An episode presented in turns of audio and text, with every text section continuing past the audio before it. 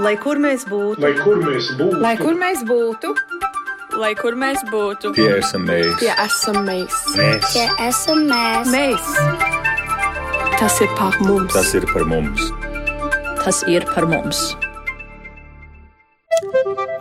Esiet sveicināti raidījumā Globālais Latvijas 21. gadsimts. Šai piekdienā mums dienas kārtībā diskusija par reemigrējušo ģimeņu bērnu iekļaušanos Latvijas izglītības sistēmā.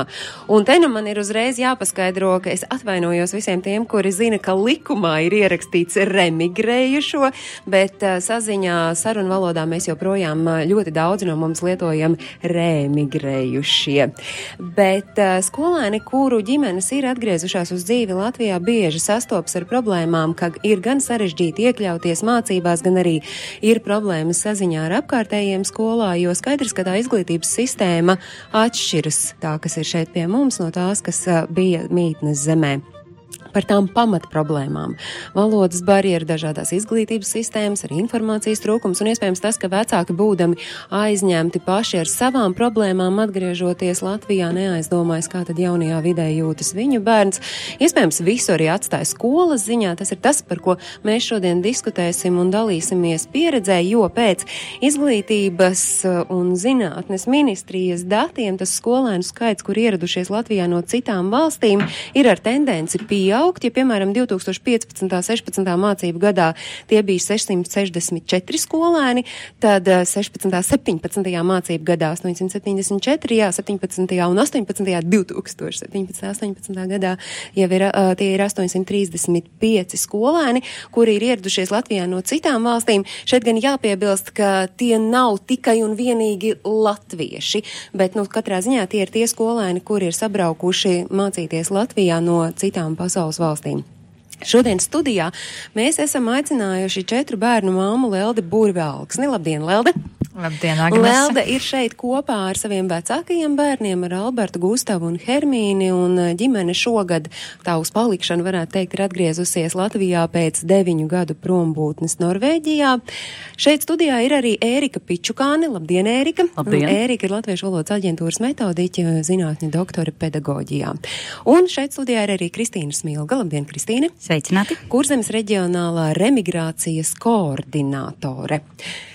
Mēģināšu tomēr visu raidījumu laiku izmantot vārdu remigrācija, bet uh, pirms mēs uh, ķeramies klāt gan tiem klupšanas akmeņiem, gan arī diskutēt par to, kas ir uzlabojams uh, tajā procesā, kad ģimene nolēma atgriezties Latvijā un bērni mācīsies kādā no skolām Latvijā.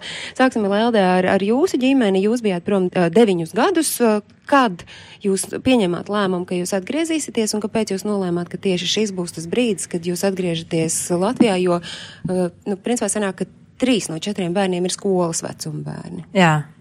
Uh, mēs šo lēmumu jau pieņēmām pirms diviem gadiem, jo Hermīnai būtu jāuzsāk uh, mācības pirmajā klasē Norvēģijā, un tas šeit ir um, pēdējā grupiņa bērndārzā, un Albertam būtu jāuzsāk mācības astotajā klasē, kas ir kā pāriešana no bērnu skolas uz pamatskolu. Nu, tā, viņiem tā ir sadalīts. Un uh, tad mēs izdomājam, ka šis ir tas posms, lai vai nu mēs tad pārceļamies, vai nu mēs atkal nogaidām trīs gadus, kad uh, bērni ir pabeiguši kaut kādu mācības posmu. Tas, ko jūs fonā redzat, tie, kuri mums seko līdzi raidījumam Latvijas radio vienas mājaslapā, proti skatāties, jūs arī redzat tās fotogrāfijas, kas ir lielākoties šobrīd mēs redzam tās bildes, kas ir no augšņu ģimenes Norvēģijas perioda, bet tad, tad es saprotu, jūs atgriezāties tā iemesla dēļ, ka jūs sapratāt, nu, ka tā Norvēģijas izglītības sistēma bija tai brīdī uh, tieši tai punktā, lai jūs uh, varētu pēc iespējas bez lielākām uh, grūtībām pārcelties uz dzīvi Latvijā. Tā mirklī, kad jūs sapratāt, jūs brauksiet uz Latviju, kur jūs meklējāt informāciju par izglītības uh, iespējām šeit Latvijā, ņemot vērā, ka jūs nedzīvojat galvaspilsētā, jūs principā dzīvojat laukos, saldus pusē tas ir, mm -hmm. tad kāda bija tā informācijas meklēšana?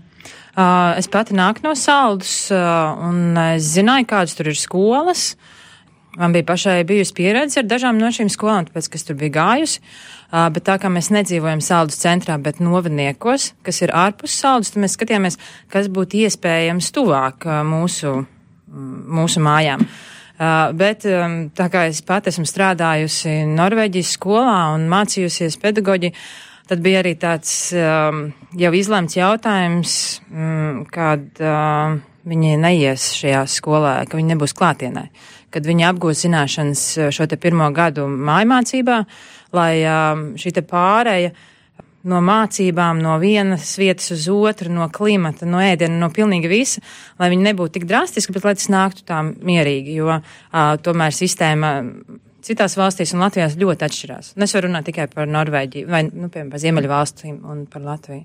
Un, tad, tad šobrīd jūsu ģimenes no četriem bērniem, principā, droši vien arī visi četri apgūst mācības mājmācībā, bet tā ir tā doma, ka tā tas arī paliek uz priekšdienām, vai tomēr jūs turpināsit mācīties kāds no puikām, piemēram, arī skolā? Um, mēs esam ļoti atvērti, un ja bērniem, bērni gribēs, tad viņiem viss, visas stūris ir vaļā lai viņi to dara. Mēs arī ļoti gribam, lai uh, vidusskolas izglītība viņi mācās arī kaut kur ārpus Latvijas, lai, uh, lai šīs te atvērtība un iespēja, ka pasaule ļoti plaša un tā domāšana, ka tu pats vari patstāvēt par sevi un domāt, lai viņi to var iegūt arī ārpus Latvijas robežām. Nu, bet, tad, kad, bet jums ir bijusi saziņa ar kādu no saldus puses Jā. skolām, ar kurām un, un kur varbūt bija tas, kurā mirklī tad jūs pieņēmāt lēmumu, ka jūs tomēr nelaidīsiet konkrētajā skolā? Tas bija ļoti, izmērs, bet tas ļoti smieklīgi. Tas īstenībā bija, jo mēs tiešām zvanījām uz dažādām skolām un jautājām, vai mēs varam pierakstīt bērnus, bet mēs viņus mācīsim mājās vienkārši, lai jums ir šie bērni. Un uh, mums ļoti daudz skolas atteica. Tas ir tāpēc, ka mājmācība, bet ja jūs gribētu, piemēram, lai bērni klātienē mācītos. Uh, bija arī skolas, kas teica, ka mums ir pilnas, nu, ka klases ir pilnas un lielas, kad skatieties, kas jums tuvāk ir. Un, Un uh, tad bija viena lauka skoliņa, kas teica, jā, mēs ļoti gribam, jo mēs esam mazi un mums šis ir ļoti aktuāls jautājums, mēs tiksim slēgti ciet drīz. Un, Protams, nāciet pie mums. Un jūs uzreiz ar trim skolēniem. Mēs uzreiz mēs, trim skolniekiem. Es gribu uzreiz iesaistīt gan Ēriku Pičukāni, gan arī Kristīnu Smilgu. Vai Leldes gadījums izgaismo kaut kādus zemūdens akmeņus, vai mācoties, nu, piemēram, no Leldes gadījuma, ja Lelde uzreiz patiešo zvanu uz skolu, vai tas ir tas pareizākais uh, solis uh, atgriežoties māju, uh, zvanīt pa taisno skolām, vai tomēr ir kaut kāds jūsuprāt prātīgāks ceļš ejams? Es gan negribētu teikt, ka Leldes gā, gājiens ir bijis neprāts. es teiktu, ka Leldes scenārijs, manuprāt, ir bijis ļoti labs, jo, protams, ir īpaši, ja tu pats nāc no konkrētas vietas, tu zini, kas notiek apkārt, tas ir saprotams, ka mēs sākam ar tām lietām, kuras mēs zinām. Uh, tas, ko es gribētu aicināt uh, arī citus, tajā brīdī, kad jūs zvanat uz skolu un jūs jūtat, ka varbūt jūs īsti nesaprot, vai nu. Vai varbūt nav skola gatava pieņemt uh, atbraucēju nu, bērnus, tā arī varētu būt? Nu, ir tā, ka ar to ir jāstrādā, jo skaidrs, ka mums vajag šos te mūsu, mēs priecājamies redzēt, ka mums ir jauni skolnieki, kas atgriežas ar ārvalstīs gūtām zināšanām, tā noteikti ir iespēja. Protams, ka ir tīpaši tādas mazākas lauka skolas, kurām nav pieredze šajā te tieši uzņemšanā, integrācijā, mm. kā strādā. Tur, protams, ir Ērikai komentāri par to, ko dara Latviešu valodas aģentūra, lai, lai tie, tieši apmācītu pedagogus darbā ar, ar, ši, ar, ar tiem, kas atgriežas.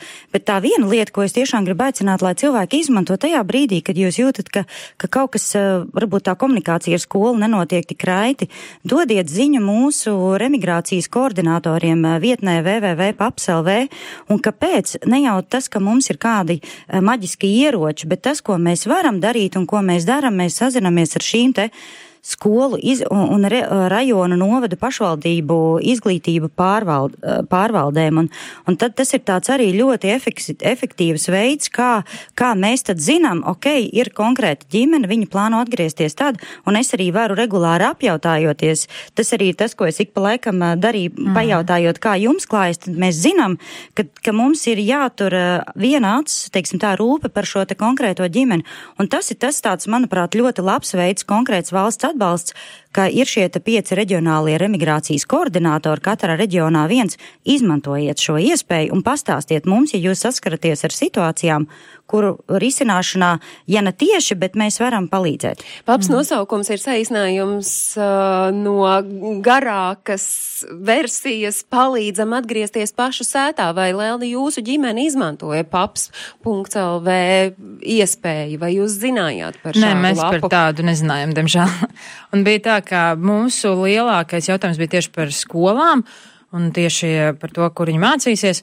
Un, uh, mēs m, pat, mēs ar tevi runājām saistībā ar kaut ko citu. Jā. Ar Kristīni kā ar koordinātoru. Kā ar koordinātoru? Jā, bet mēs tajā brīdī vairāk tiešām komunicējām par uzņēmējdarbības atbalsta Jā. grantu un, un, un to, bet, bet arī īstenībā mēs sākām runāt arī par šo skolu jautājumu. Mm. Šodien satiekoties klātienē, protams, mēs minūtes laikā daudz vairāk lietas paspējam pārunāt Tas nekā. nozīmē, ka tai komunikācijai ne tikai attēlinātāji, viņai pilnīgi iespējams ir jānotiek varbūt arī kādu reizi aci pret aci, bet tad nu, ieskicējiet tad, tad tas punkt tā mm -hmm. secīgi, kā tad vajadzētu rīkoties. Es vēl esmu šeit, jo mēs tūdaļ arī sazināsimies ar sievieti, kura jau desmit gadu dzīvo Lielbritānijā un viņa grasās atgriezties.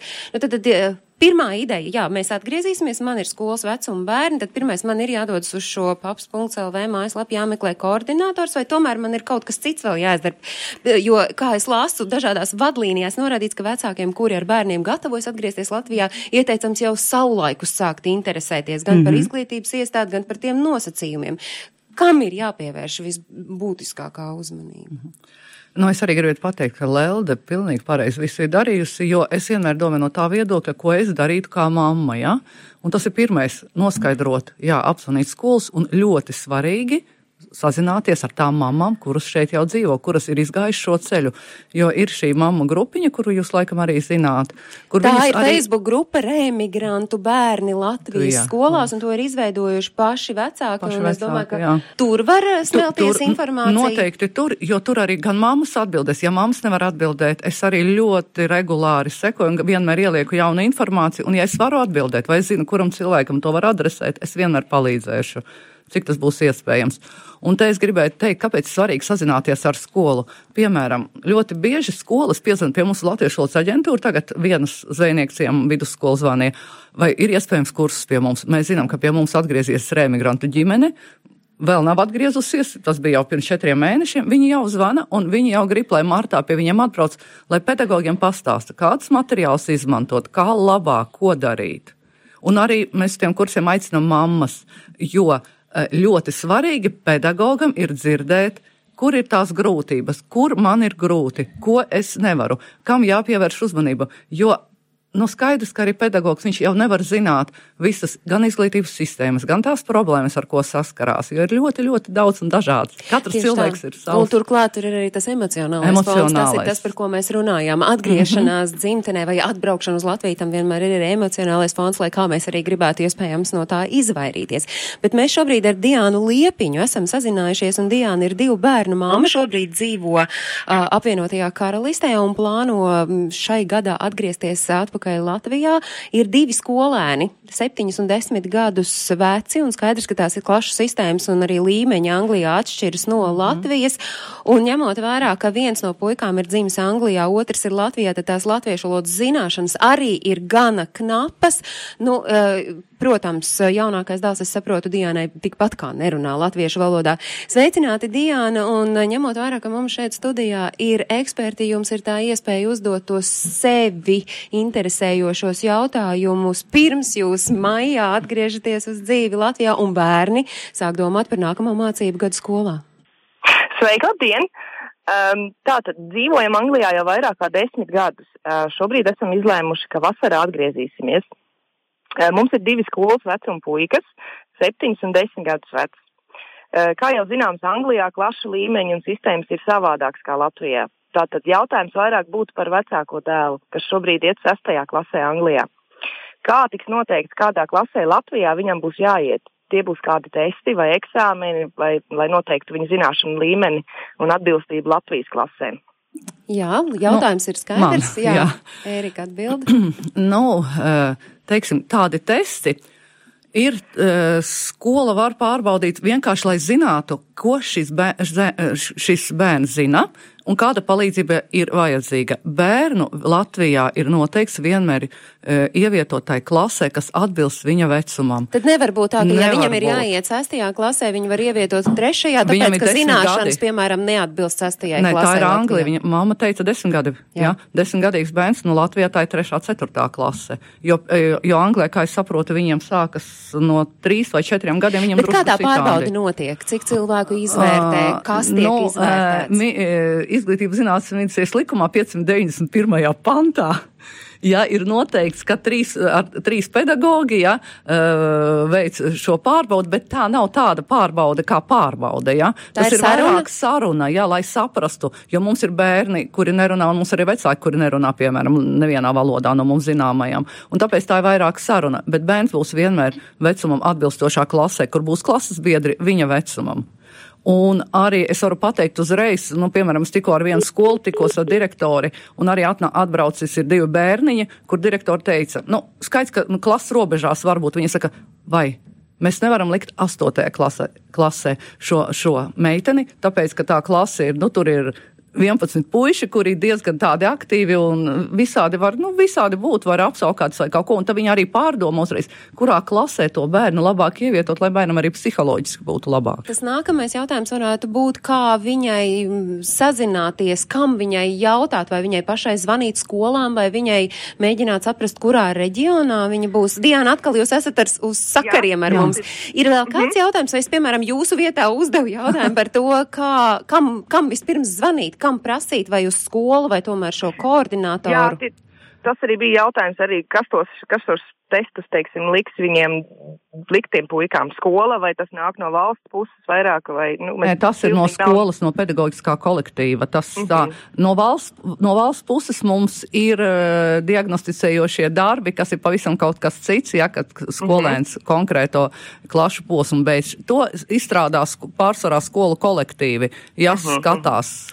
Bet sakiet, Diana, jums jau ir zināms, uh, uz kurieni jūs atgriezīsieties, un vai jūs jau esat sazinājušies vai no ar koordinatoriem, vai no esat uz skolām zvanījuši, vai jums jau ir nojausma, kurp jūs uh, atvedīs ceļš uz eh, Latviju? Dosimies uz talsiem, eh, dzīvosim tals pusē, bet šobrīd es vēl neesmu, vēl neesmu interesējusies par skolām. Jo tik daudz informācijas, viens saka tādu informāciju, viens saka tādu informāciju, tāpēc es domāju, ka uzdošu jautājumus jums. Milzīgs apjukums, Kristīna, jūs kā koordinātore varat viest Diānai skaidrību? Es uh, pilnīgi piekrītu Diānai, ka informācija mūsdienās ir ļoti daudz, un internets ir arī pilns ar dažādu veidu nekorektu informāciju, bet, protams, ka šie jautājumi ir jāsāk risināt secīgi. Es pieļauju, ka tas scenārijs varētu arī būt līdzīgi kā Leldē, ka sākotnēji uh, ir jāizvērtē, kur tad ir, nu, kaut vai loģistikas ziņā pieejamākā skola, vieglāk sasniedzamā. Un, uh, un, un, un es domāju, ka it īpaši ņemot vērā to dienu, ka es tieši strādāju ar kurzem, es priecāšos, ja mums būs iespēja sazināties, un es ticu, ka tāda uh -huh. mums noteikti būs, lai tad es dzirdētu, kur jūs plānojat apmesties, un tad mēs kopīgi mēģi, mēģinātu saprast, kuras uh, skolas uh, jums liekas jūsu ģimenei saistošas, kuras, pa kurām es esmu dzirdējis, kur varbūt tās jau ir kādi bērni, kas ir atgriezušies, jo es par vairākām talsu puses skolām zinu. Un tad tādā veidā mēs risināt uh, varētu šo te jautājumu. Protams, ir arī virkne lietas, kuras arī parasti Ērika iekļauj savos uh, prezentācijās un stāstos, kas ir sagatavošanās un priekšdarbi, un ko es aicinu arī visām mamām, kas ir ļoti satraukšās par to, ka bērni rudenī sāks mācīties latviešu, Latvijas skolās un viņi nerunā latviešu valodu, tad te mums tals, talkā nāk brīnišķīgi latviešu valsts, la, valodas aģentūras sagatavotie e-apmācība materiāli, kur ir bērniem spēles, alfabēta mācīšanās un visādas tādas lietas, kas ir interaktīvas, interesantas, bet tas ir tas lielais darbs, kurus jebkura ģimene var, ko var jebkura ģimene veikt pirms atgriešanās. Un, un es, Diāna, noteikti arī nosūtīšu šo informāciju tev. Uh, lai, lai jūs arī varat jau ģimenē ar abiem puikām jau pēc iespējas vairāk uh, sagatavoties tieši latviešu valodas zināšanu uzlabošanas jautājumā. Un tad jau pārējo soli pa solim risināsim. Tā kā nav viens konkrēts scenārijs. Jā, Stāstiet, jā. kas jūs satrauc. Diānas jautājumu es sapratu, un to arī iesaku citiem darīt, ka, ka tiešām nu, neturēt to savu neziņu un nedomāt pašam visādas traks lietas. Un bet klausīties, pamazām- ko stāsta viens otrs un trešais. Jā. Paldies, Diānai! Jā. Tātad, Diāna, gaidām jūs atpakaļ. Diāna Jā, Liepiņa ar savu ģimeni atgriezīsies pavasarī. Bet, uh, Kristīna, visi tie koordinatori ir tik atsaucīgi, ja jūs visi esat tādi, kuri gatavi ir ar pilnu krūti mesties, lai tikai atgrieztos atpakaļ. Jā, mēs visi ļoti cenšamies. Tas, kas ir, kas ir mūsu pārliecība, ka mēs tiešām vēlamies sniegt atbalstu tiem, kas ir paši to nolēmuši, un cilvēkiem ir arī tāds gana konkrēts plāns, jo skaidrs, ka tās ir lielas pārmaiņas vecākiem karjerās visdrīzāk un kaut kādas tās tās visas nedrošības ir tik daudz, un mēs cenšamies atbalstīt, ko, kā mēs varam. Skaidrs, ka mēs esam pieci katrs uh, reģionā, un tas uh, cilvēku skaits, kas ikdienā pie mums vēršās, ir ļoti liels, un, uh, un es domāju, ka te mums arī, ja kādā brīdī kāds uzreiz nesaņem atbildes, aicinu uzrakstiet vēl vienreiz, jo iespējams tas ir vienkārši cilvēcisks faktors. Paslīdējis garām. Paslīdējis. Um, jūs jau pieminējāt Ērikas Pičukānes sniegto atbalstu gan skolēniem, gan skolotājiem, visvairāk tieši skolotājiem un arī vecākiem un ģimenēm. Mums ir uh, viens neliels fragmentiņš, ko mēs šobrīd gribētu atskaņot gan radio klausītājiem, gan arī tiem, kuri seko līdzi raidījumam Latvijas radio viens mājaslapā.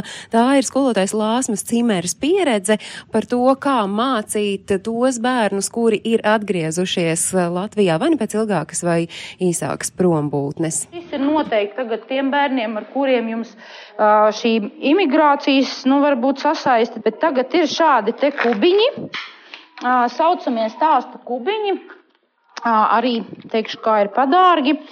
Šeit ir cilvēki, ja es arī stundās viņus izmantoju.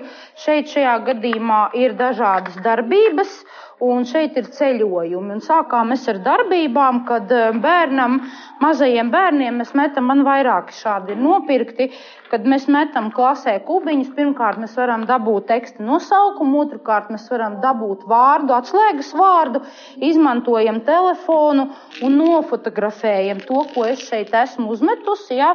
Un tad es parasti saku, ņemam trīs. Un viņam jāprot kopā pulkstenis, cilvēks un zvaigzne. Jāizdomā tekstam, savam tekstam nosaukums. Tikpat labi, ja mēs runājam par bērniem, kas šobrīd mācās, sākam zvaigzne, ko zvaigzne dara, ja pievienot spēles elementu tam bērnam, likt viņam dziļāk un vairāk domāt.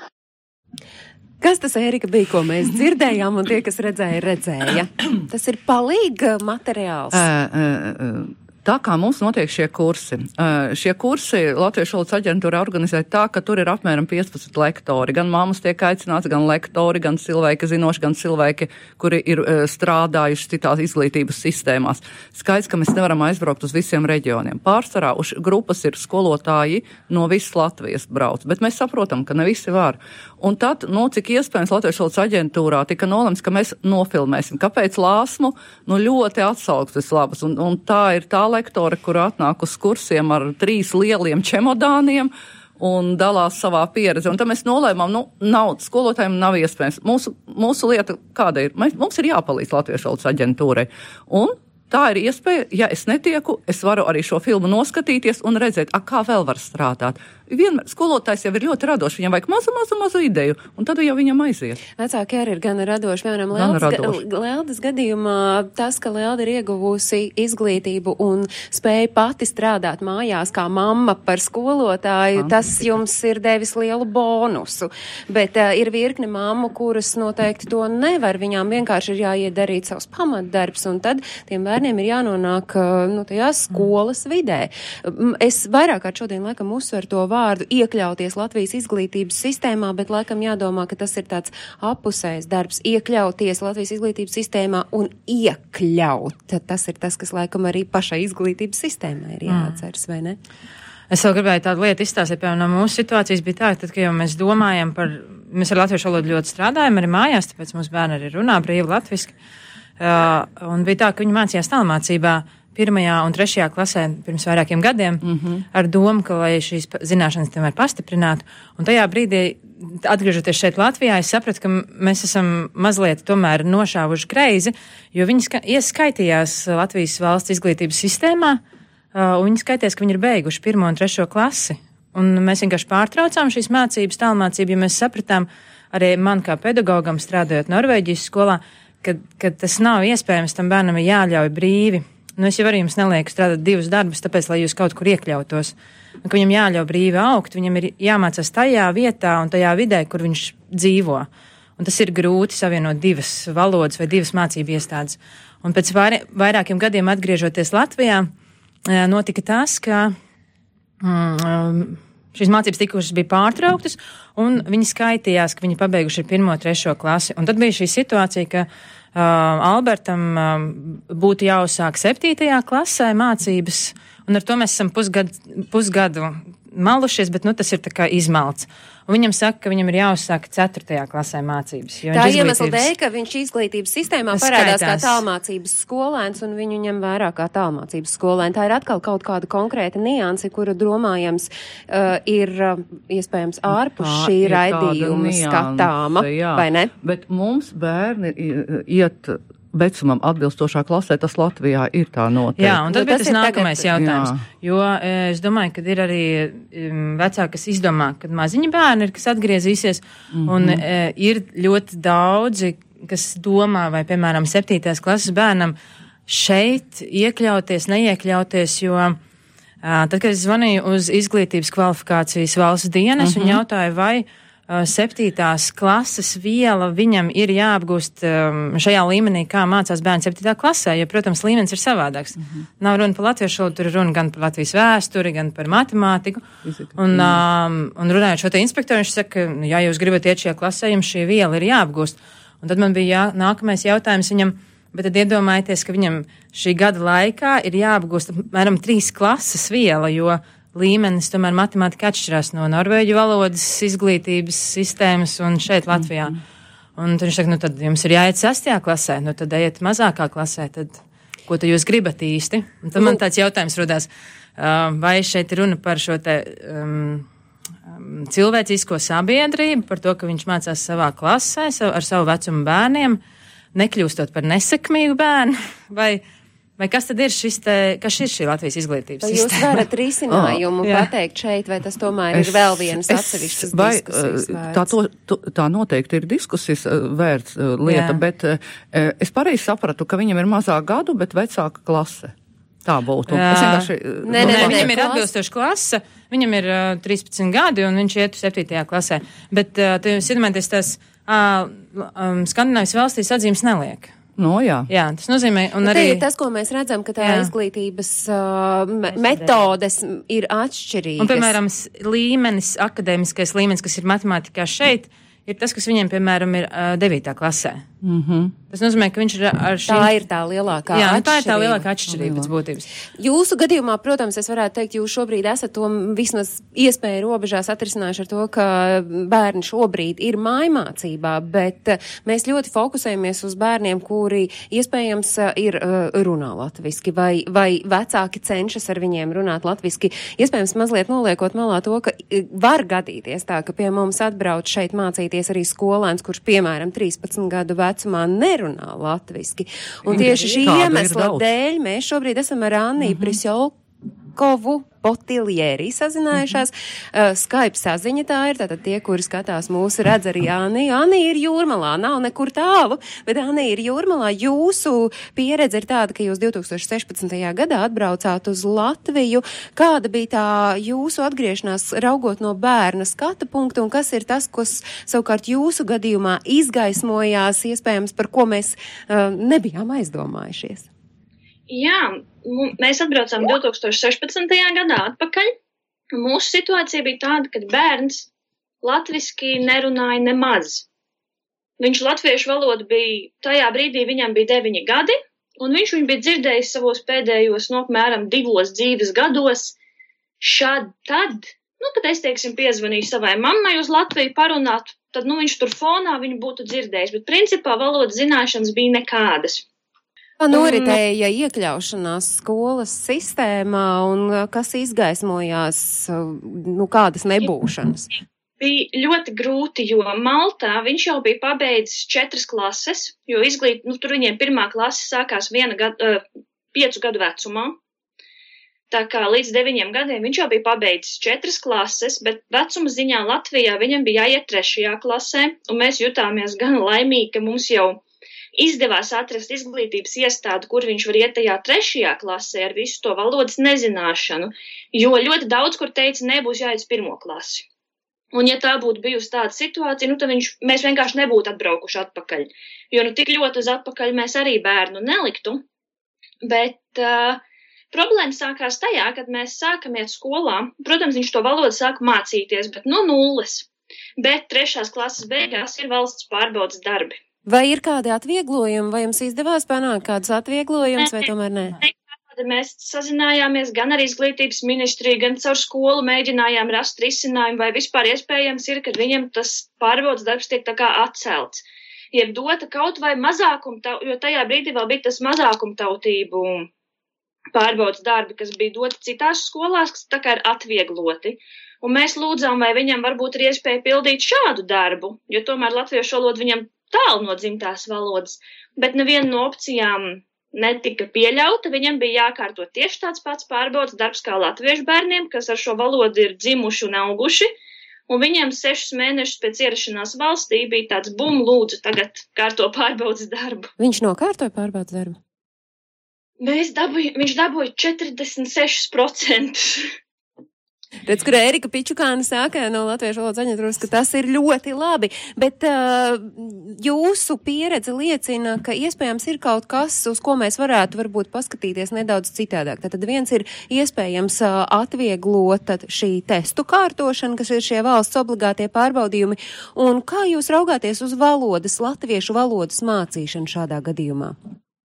Jā, lieta ir tāda, ka ļoti jauki ir, kad visos remigrācijas plānos ir iekļautas tās divas papildus stundas, ko bērniem sniedz mācīties latviešu valodu, bet ar visu to nāk līdzi arī tāda problēmiņa, kad mūsu skolotāji, diemžēl, nav trenēti pasniegt latviešu valodu kā svešu valodu. Tās papildus stundas ir, bet viņas atkal ir vienkārši latviešu valodas stundas, kas ir tā kā, nu, kad jāiziet latviešu bērns uz papildus stundu, viņas būtu vienādas. Nav izstrādātas metodas vispār, kā to valodu mācīt cilvēkam, kam tā ir pilnīgi sveša valoda.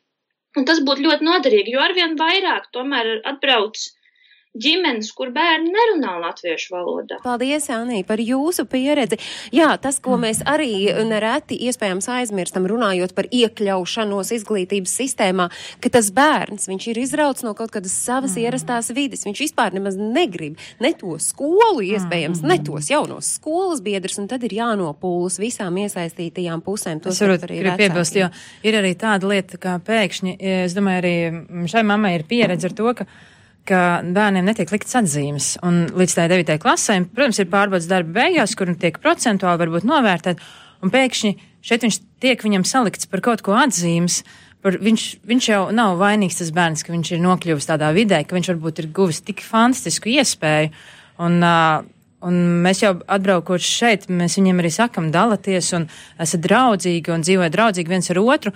Bet, uh, tu dabū tādu belzienu, ka tev ir šajā sistēmā, šajās te, nu, es negribu teikt krievu zandelēs, bet šajās te vecajās zandelēs jums ir visiem jākāp iekšā un tev ar viņām ir jānoiet. Tas nekas, ka viņas to nedara, bet, nu, tev tagad jāiet ir ar viņām līdz tajām devītajai klasē. Es varētu iesaistīt zēnus, jūs tajās zandelēs neesat iekāpuši, jā? Ja? Ne Gustavs, ne Alberts. Kā jūs šobrīd mācāties? Varbūt mēs nedarām tik daudz kā parastajā skolā. Parastajā Norvēģijā vai Latvijas? Nu, Latvijas. Ah, mēs zin, domājam, piemēram, mēs darām, nu, matemātiku tādu pat kā viņš šeit Latvijā, dabas zinības. Latviešu valodu jūs arī mūzicējat, Latvieši, jā, nu, mūziku mēs ejam mācīties muzikas skolu. Ā, muzikas un... skolā jūs esat iekļāvušies, ja? Jā. O, ko katrs spēlē? Viņa vienīgā iet standarta muzikas skolā. Vēl nedzirdēs tevi, tātad Hermīna iet standarta Hermīna, muzikas jā. skolā. Jo mm, Alberts un Gustavs ir gājis Norvēģi muzikas skolā, un tā ir atkal tāda sāpe, jo šajā skolā bērniem mācās tikai instrumenti, lai viņiem ir prieks mācīties par instrumentu. Ja tu gribi būt profesionāls mūziķis, tad tu vari izvēlēties iet akadēmiskās zināšanas, bet uh, parasti šī ir tikai māca mūziku, māca spēlēt, lai tu vari pēc tam spēlēt, lai to tā mūzika vienkārši patīk. Tas ir tas, ko mēs runājam. Katrs jau gadījums atšķiras no mm. katra gadījuma, bet šobrīd eh, mēs sarunā iesaistām Ilzi Kalnozo Lengurs vidusskolas direktori. Labdien, Ilze! Labdien! Jūsu skolā ir pieredze ar remigrējušo vecāku bērniem. Šobrīd es saprotu, ja man eh, informācija man nav pievīlusi, ir septiņi skolēni, kuri pie jums mācās kāda kurš no jūsu skatu punktu raugot, tad ir tas pats svarīgākais punkts, lai skolēns veiksmīgi iekļautos tajā skolas vidē, lai viņam gribētos mācīties un lai viņš varētu to darīt? Nu, pirmām kārtām, tad, kad tikko atnāk uz to skoliņu, kur grib mācīties pēc ārzemēm, vajadzētu patiešām uh, diagnosticēt, kur tad ir tās um, vājās puses, nu, nu tās, kas būtu skolēnam vajadzīgas tieši un, un, un kur būtu jāpalīdz. Tad, protams, izveidot komandu, atbalsta grupas komandu, tie ir skolotāji. Nu, lielākoties tur ir latviešu lodas skolotājs un skolotāja palīgs kāds vai, vai, vai arī varbūt speciālais skolotājs un strādāt individuāli vairāk tieši šos te priekšmetus, kas ir saistīti ar ar latviešu valodas apgūvi, ar, ar vēsturi. Cik jūs ikdienā varat atļauties pedagogus iesaistīt šajā procesā, zinot, ka es pareizi saprotu, septiņi skolēni šobrīd pie Jā, jums nē, mācās? Tie, kas šobrīd tagad ir, tiem vairs nav problēmas, bet pirmās problēmas, jo šie jau ir um, atgriezušies jau kaut kad un tā kā jau, jau ir, viss vis ir nokārtojies, bet tas pirmais brīdis tie ir, tas, nu, citam tie varbūt ir divi mēneši, tas ir atkarīgs no tā, cik ilgi dzī, ģimene ir dzīvojusi ārpus Latvijas, cik daudz varbūt ir kaut kas iekavēts pēc, nu, skatoties pēc mūsu izglītības visas programmām un vispārējā. Bet, bet, piemēram, mums bija gadījums arī vairākus gadus atpakaļ, kad mums atbrauca četri brāļi, kuri pilnīgi nezināja latviešu valodu. Ko jūs tādā situācijā darījāt? Kā jūs rīkojāties? Tā lielākā sāpe tiešām, nu, ja skolotāju tu vēl vari atrast, tad trakākais, kā tu viņam samaksās šim pedagogam. Jo, piemēram, ja tas ir, nu, vasarā notiek, kad vēl nav mācību gads sācies, nu, tā kā tarifikācijā kaut ko tur var vēl, vēl varbūt paredzēt. Bet, ja tas notiek mācību gadu vidū, tā tarifikācijas nauda skolai ir, ir, ir izsmelta, teiksim tā, jā. Un uh, bez masa nāk par paldies skolotājiem strādāt. Un, un tad jau es arī toreiz uh, rakstīju Mm, arī saimnes komisijai vai kam tur vēl tur izglītības komisijai un arī tas tēvs tur, tur bet viņš gan bišķiņ par citām lietām tur. Un, un mans ieteikums arī tomēr bija, bija par to finansiālo, ka, nu, kaut vai tas varētu būt, es nezinu, nu, no neparedzētiem gadījumiem atkal, jā, vai, vai skolas, nu, viņam atnāk šāds bērns un vajag šīs individuālās mācības, skola raksta pieteikumu, nezinu, vai domēji, nu, vai, vai, vai nu, savai nometnē. Bet kā jūs atrisinājāt šo jautājumu? Nu, mums bija tā, ka es nezinu, kā taupīgs direktors, man vēl bija tie bišķiņa resursiņi vēl no tarifikācijas. Nu, un, un tad eh, šie puisi, kas mums bija pusotra gada laikā, labi, labi, bet tas, es saku, viņi nezināja ne latviešu valodu, ne mūsu kultūru daudz, neko. Un svarīgi jau, protams, ir arī ģimene. Šīs te, vai tā latviešu valoda ir, viņi ir apgūši arī ģimenē, vai kāds viņam var palīdzēt. Tur, nu, bet, ja gadījumā tā... nav, nu jūs redzat risinājumu, piemēram, dodot kaut kādas atlaides vai panākot uh, iespējamību, ka, nu, neskatās tik skrupulozi arī uz šiem testiem. Bet, protams, sākumā, un tur jau tā lieta, ja tas skolēns ir kaut kādos šajos priekšmetos, nu, protams, ne visos, jā, bet tanos būtiskākos, viņš, uh, viņš ir individuāli ar, ar citu skolotāju. Tā, tā ir pilnīgi citādāk tāda apmācība, teiksim, tā, jā.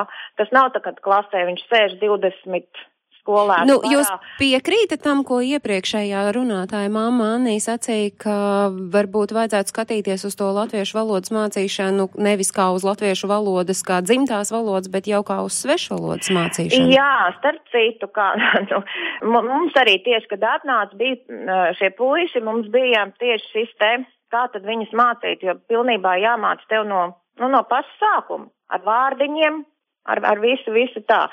Un tad um, zvanīju uz, uz, uz visiem šitiem dienestiem, uz IKVD, protams, uh, nekas tāds um, nespīd. Man, tad skolā man, kā latviešu skolā, būtu jālicenzē mazākumu tautību programma. Un savukārt, eh, tad viņam, ja viņam, viņš liktu, nu, piemēram, šis puisis, ja viņam dzimtā valoda ir angļu valoda, tad skolā pēc devītās klases, nu, vai vienalga, vai sestā klasē ir diagnosējošie darbi, kas mūsu valstī ir, ir tā kā noteikti, viņam būtu jāliek dzimtajā valodā, kas viņam ir tā kā angļu valoda. Bet tādu speciālistu, kas viņam varētu angļu valodu, nu, tādā līmenī, lai, un kurš to sagatavos arī šādu eksāmenu. Nu, un tad vienkārši mēs paņēmām šo te mazākumu tautību programmu, un to pirmo lecienu mēs iesākām pēc tā, kā ar vārdiņiem, ar visu, bet arī šajās individuālajās apmā, nu, stundās, kad ar to bērnu vienkārši un iemācījām viņiem runāt, atpazīt, protams, grūtības, un es domāju, gan jau vēl šobrīd viņiem mm, puiši aizgāja gan prom uz citu vietu dzīvot. Tas, ko jūs stāstāt, paldies Ilze Kalnozola, Lengurs vidusskolas direktori, man eh, ļauj domāt, un es eh, ļoti ceru, ka jūs man neļausiet samānīties eh, šeit studijā esošie viesi, ka tomēr gan skolas direktoram ir jābūt radošam tajā mirklī, kad pie viņa atnāk ģimene ar bērniem, kuri nav līdz šim dzīvojuši Latvijā un nav šeit mācījušies. Tieši tāpat ir jābūt arī pedagogiem pedagogiem. Es zinu, ka Ērika, jūs noteikti Gribu gribat vairāk kārt uzsvērt to, ka nav, ar to latviešu valodas mācīšanu nav jau tā, ka māca jā. gluži tā kā tikai kā latviešu valodu. Nē, es gribētu valodu. papildināt, Latviešu valodas aģentūrā ir ļoti daudz metodikas kurs, kursu. Latviešu valoda kā otrā valoda ir izstrādāta metodika, ir mācība līdzekļi, jūs varat mūsu mājaslapā iet un apskatīties. Ir arī Bet kursi latviešu. Domāti? Tie ir domāti visiem, gan diasporas bērniem, gan imigrantiem, gan rēmigrantiem. Nevar atdalīt. Es pati vairāk kā 20 gadus mācu cilvēkiem latviešu valodu, ja, un gan maziem, gan lieliem, tāpēc diezgan labi šo jautājumu pārzinu. Bet skaidrs, kā atšķiras tas, kā uh, mācīt tam, kurš, nu, es nezinu, tā kā Leldas bērniem, kur ikdienā runā latviski, jā. kā tas, kurš atbrauc un iespējams ir dzirdējis bet, tikai bet kaut skolotājiem ir tālāka runājam. izglītība, un ļoti daudz, kas ir atkarīgs, es piekrītu jums no administrācijas. Ir administrācija, kura piezvana un saka, mums vajag kursus, ir skolotāji, kur ļoti aktīvi piesakās un strādā. Ir ļoti daudz arī metodisko materiālu, arī, metodi, arī mani raksti trīs ir, kā mācīt tos, kas nekad nav mācījušies, kā mācīt tos, kuriem latviešu valoda ir mm, pirmo reizi viņa dzird. Ja? Tāpēc ir vienkārši, nu, es klausījos to mammu pirmo, ja? Es domāju, ka nu, vienkārši nepaveicās. Mēs jau nezinām, kā tur bija, kāpēc, kāpēc tas skolotājs varbūt negāja uz kursiem, jo mums jau skolotājiem ir tālāka izglītība. Bet Enguras vidusskolas direktore, viņa arī nāca pie skolotājiem un viņa dalījās tajā pieredzē, kā viņi iekļauj šos bērnus, kas arī ļoti svarīgi ir lai, kad pedagoģa skolā ir šie bērni. Lai arī pedagoģi ir gatavi uzņemties, nu, tomēr nu, zināmu daļu atbildības, iespējams padarīt kādu darbu par paldies vai par uh, finansēm no neparedzētiem līdzekļiem. Mēs Dainu Gross esam sazinājušies ar Dainu Gross šobrīd uh, Skype saziņā. Daina, es ceru, ka mūs dzird. Daina ir Latvijas Universitātes filozofijas un socioloģijas institūta pētniece un maģistra darbu pirms trim gadiem izstrādājusi intervējot tos skolotājus, kuri strādā ar reemigrējušajiem bērniem un palīdz integrēt viņus skolas saimē. Jūs noteikti arī tad, Daina, sveicināti visspēcīgāk mums varēsit pateikt, ko tas nozīmē tam pedagogam un ko paši pedagogi saka, kādas ir tās lielākās problēmas, kas var likt šķēršļus tam, lai bērni veiksmīgi iekļautos skolas vidē. Jā, nu, skolotāji, es domāju, ka lielāko daļu skolotāju kuru klasēs nonāk ar emigrējušie bērni, cenšas pēc savām spējām visu iespējamo darīt, lai tos bērnus iekļautu. Bet runājot ar skolotājiem, tāds iespējas paliek, ka viņi dažkārt jūtās, ka tas ir viņu pilnīgi, nu, tas ir viņu rokās atstāts, viss šis te veids, kā iekļaut tos bērnus, kas ir labi no vienas puses, ka viņi tad var ar brīvu vaļu īstenībā mēģināt eh, viņiem tās, piemēram, latviešu valodas zināšanas uzlabot um, vai kādus cits priekšmetus mēģināt viņiem uh, papildu kaut kādu atbalstu sniegt, bet dažkārt viņi jūtās, ka, nu, ir, uh, viņi mēģina aizpildīt robus, kur, lai viņi varētu integrēt bērnus kā dzimtās valodas um, klasēs iekšā, kur, kur īstenībā varbūt kādreiz labāk viņiem būtu mācīt šo latviešu valodu bērniem kā sešu valodu. Un tur es atradu to vislielāko tādu, to sāpīgāko punktu, ka bieži vien viņi, viņi jūt, ka šis te robu aizpildīšanas process varbūt nav bērnam visvēlamākais, ka vislabāk viņam būtu kādreiz sākt no tā punkta, kur viņam tās valodas spējas ir, un tad būvēt tām klāt. un to uztvērt kā tādu pozitīvu momentu, nevis kā viņam ir kādi trūkumi. Bet sakiet, nu tad tie skolotāji secinājumi, ja var tā ļoti koncentrēti pateikt no skolotāja skatu punktu raugot, kas visvairāk ir vajadzīgs, lai skolēns varētu iekļauties tajā mūsu izglītības sistēmā? Tur ir, tur ir komplekss tāds jautājums, tāds loks. Tur ir pirmais ir valodas spējas uzlabot, bet ne tikai valodas, otrs ir tāda iejūtība un sapratne par to, ka tas bērns īstenībā nāk no pilnīgi citas kultūra vides, kur ir pilnīgi citi, varbūt tādi nerakstīti likumi bijuši um, un, un citas tādas uzvedības normas.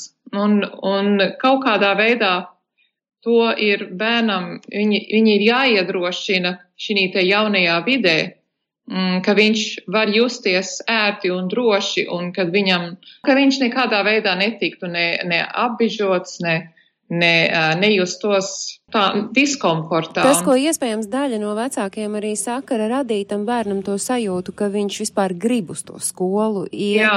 Un uh, mums ir ļoti straujiem soļiem uh, raidījuma noslēgums tuvojas, un tieši iemeslu dēļ, Dainis, var jums lūgt uh, skatu nākotnē, skatoties, jūs meklējat ģimenes nākamajam pētījumam, lai varētu vēl vairāk uh, izkristalizēt tos jautājumus, kas ir aktuāli un svarīgi saistībā ar emigrāciju.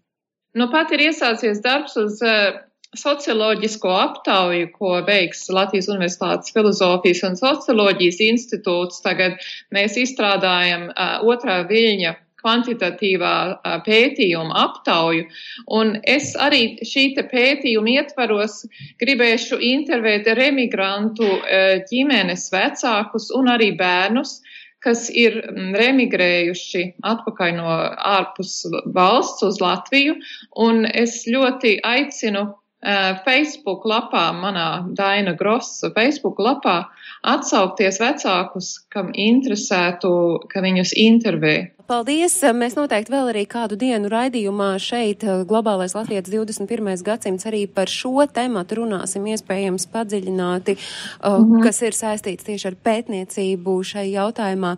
Sarunas noslēgumā nu, eh, nav divu vienādu situāciju, nav divu vienādu ģimeņu, kuras atgriežas, un tas nozīmē, ka mums, kā jau es te iepriekš minēju, gan mācību iestāžu vadītājiem ir jābūt ārkārtīgi radošiem, un tieši tāpat tāpat arī pedagogiem un ģimenēm laikam ir jāatceras, nu, kas ir tas pamatu pamats, kāpēc uh, viņi grib, lai bērni iekļaujas šajā izglītības Es gribēju vienkārši piebilst to pēc savas pieredzes, ka strādājot Norvēģijas skolā mums pirms četriem gadiem ļoti daudz no Sīrijas bērni atbrauc, un tad mēs kā pasniedzēji tikām gatavoti tam, jo viņi nezināja ne valodu. Es domāju, tieši tāda pati situācija. Citam bija pat vecāki, kas pat nezinu, nemācēja rakstīt. Viņi teica, mums kā pasniedzējiem galvenais, lai šis bērns ir savā vecuma vidē ļoti labi jūtās, kāda rezultāti, aizmirstiet par rezultātiem. Jo ir jāstrādā to, jo galvenais, lai viņš jutās labi. Un ja viņš jutīsies labi, tad arī tie vecāki jutīsies labi. Un tad tam bērnam būs vēlme mācīties tālāk. Un tad, kad mēs atbraucām šeit, tad bija tāda sajūta, ka, ka arī pasniedzēji, ar ko mēs tikāmies, saka, jā, bet, bet mums jau ir svarīgi, lai viņš sasniedz šos rezultātus, jo ir tomēr jāsasniedz ir tomēr šie diagnosticējušie darbi, kā viņš jūtās, kas viņam galvenais aizpildi raksti, kaut ko saraksta, lai var izlikt atzīmes, ka tā sociālā vidas cilvēcīgums tiek tā mazliet atstāts malā. Jo, es domāju, pašiem bērniem tā jau tā kā ir tā nākotne, viņiem jājūtās ir droši, jo viņi jau šeit grib tā dzīvot un augt. Nu, Paldies, tāds, ka jūs gribat dzīvot šeit un augt. Es ceru, ka tie katrs tas gadījums ir risināms un ir atrisināms tikai pietiekami daudz uzņēmības ir nepieciešams. Es saku paldies Leldē Burvei Alksnē un es saku paldies arī Hermīnai, Gustavam un Albertam. Maz gan jūs dabūjāt runāt, bet es atvainojos par to. Paldies Ērikai Pičukānai, ka bijāt šodien ar mums Latviešu valodas aģentūras metodiķei un paldies arī Kurzems reģionālā remigrācijas koordinatorei Kristīnai Smilgai. Radījumam tapt palīdzēja arī mani kolēģi, studijā biju es šeit Agnese Drunka. Mēs nākam piekdien sarunāsimies šeit studijā, iesaistot arī jūs, klausītāji un skatītāji, jo mums ir saruna paredzēta par to, kas ir saistīts par visiem jautājumiem, cik nu mēs spēsim aptvert par uh, Brexit Jo Latvijas aizniecībā Lielbritānija atzīst, ka ir gana daudz neskaidrību un pietiekami daudz kārtojamo formalitāšu, un uh, tas ir ne tikai šeit uz vietas Latvijā ir interesi par Brexit, bet arī, protams, tiem cilvēkiem, kuri dzīvo Lielbritānijā. Lai jums jauka visiem ir šī piekdiena, tiekamies mēs pēc nedēļas, bet līdz tam atgādinu, ka jūs varat mums sekot līdz Latvijas Radio 1 Facebook profilā. Jūs raidījumu varat skatīties arī Latvijas Radio 1 mājaslapā, jums ir jāpiespiež poga skatīties. Protams, arī portālā latvieši.com un es atgādinu, ka Latvijas radio viens raidījuma atkārtojums ir svētdien, uzreiz pēc ziņām trijos. Paldies visiem, ka bijāt šodien kopā ar mums, un lai mums izdodas!